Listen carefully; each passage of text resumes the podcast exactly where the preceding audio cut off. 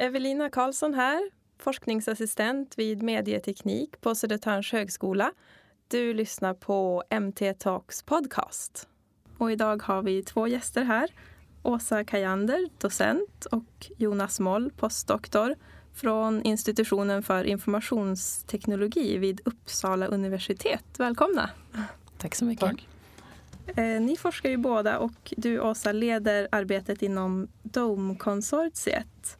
Eh, berätta, vad är det för projekt? DOME-konsortiet bildades 2012 och eh, då hade vi finansiering från Vinnova. När den finansieringen tog slut så har vi gått över i ett konsortium med många finansiärer då, med flera projekt. Så det är ett femtontal forskare från sex olika lärosäten som forskar på journal via nätet för patienter. Mm. Och vad är syftet med det? Det handlar om att införa e-journaler, eller hur? Ja. Och vad är, vad är syftet? Varför vill man göra det här? Vi forskar ju för att försöka främja och hjälpa det här införandet så att det blir bra både för vårdpersonal och för patienter. Mm. Det är tvärvetenskapligt också så det kommer från, vi kommer från många olika discipliner. Just det. Ehm, men berätta lite mer om er själva och era roller i det här forskningsprojektet. Eh, jag är då postdoc sedan september eh, i år. Eh, och mitt fokus i själva DUM-konsortiet det är att eh, leda studier, intervjustudier och en större enkätstudie.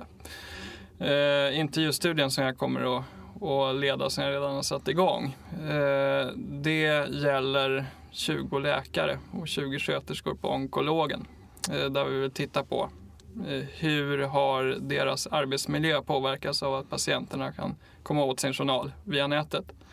Och även hur kommunikation mellan eh, vårdpersonal och patienter har påverkats. Enkätstudien eh, är över 2500 då, patienter nationellt som har svarat på enkäter kring hur de ser på journalen.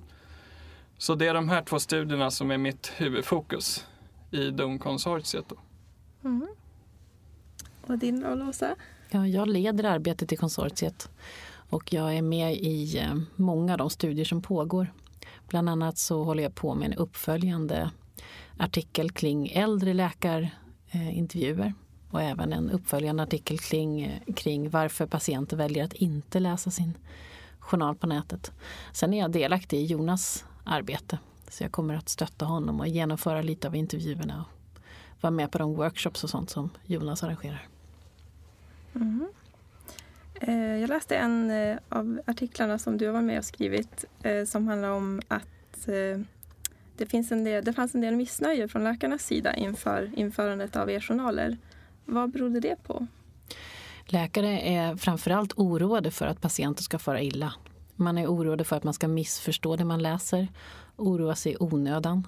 Eh, man är också orolig för att man ska få negativa besked via en hemsida. Eh, så det är den främsta orsaken till varför läkarna i intervjuerna är negativa till det här systemet. Det finns också andra orsaker till varför de är negativa och det är påverkan på deras egen arbetsmiljö, deras egen arbetssituation. Man oroar sig för att det ska bli svåra samtal med långa diskussioner, att man ska få ägna sig åt sånt som inte bidrar till att patienten mår bättre. Eh, det finns också en, en viss eh, oro eh, kring eh, vilka följder det här ska få eh, för vårdprocessen som sådant. Man ser gärna det som att man, att, att man i första hand ska göra ett blodprov eller någonting och att man ska få tid och möjlighet att prata med kollegor och eh, resonera kring vilken behandlingsform man ska välja innan det att man träffar patienten och att man då ska kunna både berätta vad diagnosen blir och ge möjliga förslag på behandling. Men att journal på nätet förändrar den här processen och vissa läkare känner sig väldigt stressade och tycker att det minskar tiden till reflektion, minskar tiden där man har möjlighet att kartlägga vad det finns för alternativa behandlingar och sådär. Ett av de här motargumenten som läkarna använde var ju att eh, det skulle kunna uppstå missförstånd. Alltså.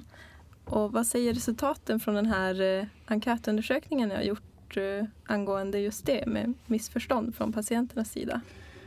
Ja, alltså det visar sig att det är inte särskilt vanligt att patienter missförstår. när vi ställer frågan hur många Eh, patienter som eh, förstår det mesta av det som finns i journalen, alltså inte allt men, men det mesta. Då är det en överväldigande majoritet ändå som faktiskt säger att de förstår innehållet.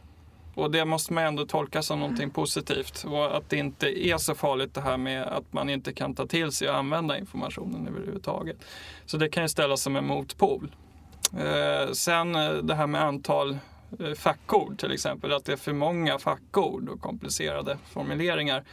Det verkar inte heller så. Och när jag säger det, då utgår jag från den här nya nationella enkätstudien som jag nämnde i början. Ja. Så det blir som två motpoler här skulle man kunna säga. Läkarnas oro ställs ju då mot patienternas svar som eh, förmedlar i stort sett motsatta. Eh, att eh, det inte är för komplicerat. Mm. En annan oro från läkarnas sida som du tog upp var just det här med en högre arbetsbelastning. Har man kunnat se något efter införandet om det har, om det har har det lett till en ökad arbetsbelastning? Vet vi något om det? Alltså det är ju nästan det som den nya intervjustudien får handla om. För mm. där kommer vi att fokusera eh, på det som en del av studien i alla fall. Eh, en sak som man kan ta upp där, eh, om vi ska gå på resultat som vi redan har, och då gäller det inte läkarna utan då är det vad intervjuerna, eh, vad patientintervjuer har gett. Och det är ju att eh, det blir ju till exempel inte ökad mängd telefonsamtal som läkarna trodde att det skulle bli. Eh, och det är inte så farligt med frågor som ställs vid besök heller. Eh, men framförallt telefonsamtal, det är ingenting som har ökat. Det var någonting man trodde från början då. Men mm. våra resultat, de senaste, tyder på att så är inte fallet. Just det. sen har vi det här med att eh, faktiskt ta emot ett tungt besked via e-journalen, en oro från läkarna att det inte blir bra för patienten. Säger resultatet något om den frågan? Ja, eh, det är kanske svårare att hänvisa till just enkäter i det fallet. För de, de förklarar ju inte så mycket, de visar ju mer tydliga indikationer. Men om man ser till patientintervjuer, där visar det sig att det var faktiskt fler patienter eh, i den undersökningen som ville eh, få sitt besked via journalen.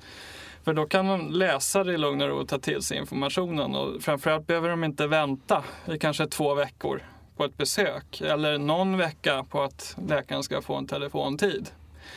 Eh, så att de, de flesta vill ju ha valet att faktiskt kunna läsa det där via journalen på nätet. Så att där har vi också den här motsatsen skulle man kunna säga. Eh, just det. Eh, det här införandet av e-journaler det kan ju bidra till att rollerna förändras mellan patient och läkare. På vilket sätt skulle det kunna förändras nu? Många av patienterna känner sig ju mer informerade och mer delaktiga. Man känner sig mer förberedd inför ett besök och man kan ha mer specifika frågor. Eh, man tittar tillbaks i gamla journalanteckningar, tittar på gamla provsvar läser in sig, vet mer, kan hänga med mer. Man beskriver det ju som att man förstår bättre vad läkarna säger. Både där och då och i efterhand. Och speciellt vid negativa besked kan det ju vara så att man hamnar i ett tillstånd där man inte klarar av att lyssna. Och då kan det, den här journalen på nätet ge en möjlighet att titta på vad läkaren egentligen sa. Visserligen väldigt kortfattad men det ger i alla fall en möjlighet. Mm, just det. Eh, sen har vi en, eh, en annan oro från läkarna var ju just det att eh, de vill kunna använda journalen som ett verktyg och kanske har skrivit saker där som man inte vill att patienten ska se. Vad kan det vara som de skriver som de inte vill att patienten ska se? Det kan ju vara oro kring självmord eller misshandel, droger. Eh, sådana saker som man misstänker men inte vet säkert. Men det kan också vara så att man oroar sig för att skriva sådana saker om patienten kan läsa för man, är, man eh, blir utsatt för hot och våld. Speciellt då inom akutmedicin eller inom psykiatri kan det här vara stora problem för personalen. Mm. Så det, det, är ett verktyg då som försvinner från läkarna? Idag så har man möjliggjort för läkaren att skriva en kommentar eh, Eh, eh, som eh, då blir dold för patienten under två veckor. Det finns en teknisk möjlighet i systemen att göra så. Men jag vet att i alla fall för ett år sedan så var det inte speciellt mycket använt. Utan informationen om att den möjligheten finns har inte riktigt nått de som skriver journal. Mm. Hur, finns det någon eh, plan på hur man ska eh, förändra den här attityden som har, man har sett hos läkare? Det här med oro och missnöje inför er journaler. Finns det någon plan på hur man ska få dem mer positiva till den här förändringen? Alltså vi har skrivit en rapport då, som är tillgänglig som är kortfattat beskriver de studier vi har gjort på patienter där vi berättar om deras perspektiv. Den är ju skriven i syfte att informera dem om vad den här forskningen säger. Och den går att ladda ner från Ineras hemsida. Sen vet jag att det finns ju en, en informationskampanj i alla landsting kring journal på nätet. Och eh, indikationer finns ju också på att läkare i andra landsting inte är fullt lika negativa som man var i Uppsala. Utan att det har förändrats. Vi vet inte riktigt i vilken utsträckning så det ska ju Jonas studier också leda till intervjustudier med läkare och sjuksköterskor för att förstå hur mycket det har förändrats. Mm. Mm. Vilka är det som eh, eh, använder det här verktyget mest? Vilka är det som väljer att gå in och titta på sin e-journal? Man har ju sett att det, det skiljer inte, det är inte så att det bara är unga människor utan det är människor från alla åldersgrupper, också alla sociala grupper alla, med alla utbildningsgrader. Det man kan säga helt säkert då, det är ju de som har en pågående vårdrelation som använder systemet. Alltså de som har, de som är patienter. De som är fullt friska, de går inte in och läser mycket. Hur ser det ut med framtida forskning? Eh, vad är planerna där? Ja, alltså framförallt eh, nu har vi pratat om eh, äldre studier framför allt. Eh, läkare som har intervjuats eh, och de intervjuades strax efter införande av journalen i Uppsala i det här fallet. Då. Eh, patienter likaså. Det var ju en studie som, intervjustudie som utfördes strax efter införandet. Eh, det var väl knappt ett år efter. Och det blev ju lite spekulativa svar eh, i de studierna förstås. För man hade ju inte riktigt koll på vilka effekterna skulle bli av de här nätjournalerna. Så därför planerar vi nu Eh, och har ju redan inlett nästan eh, en eh, ny intervjustudie med onkologer igen då i Uppsala på Akademiska sjukhuset. Där vi ska se vad som faktiskt hände och hur deras arbetsmiljö de facto har påverkats. Så nu vill vi inte veta vad de tror längre utan nu vill vi veta vad de faktiskt har varit med om. Det är en rätt viktig studie eftersom det inte har gjorts en sån uppföljning tidigare. Mm. Och sen koppla det till nationell enkätstudie från när det gäller patienter. Då. För båda är färska. Och se om det är lika stora motpoler så att säga. Eller om de har kommit närmare varandra de här två grupperna.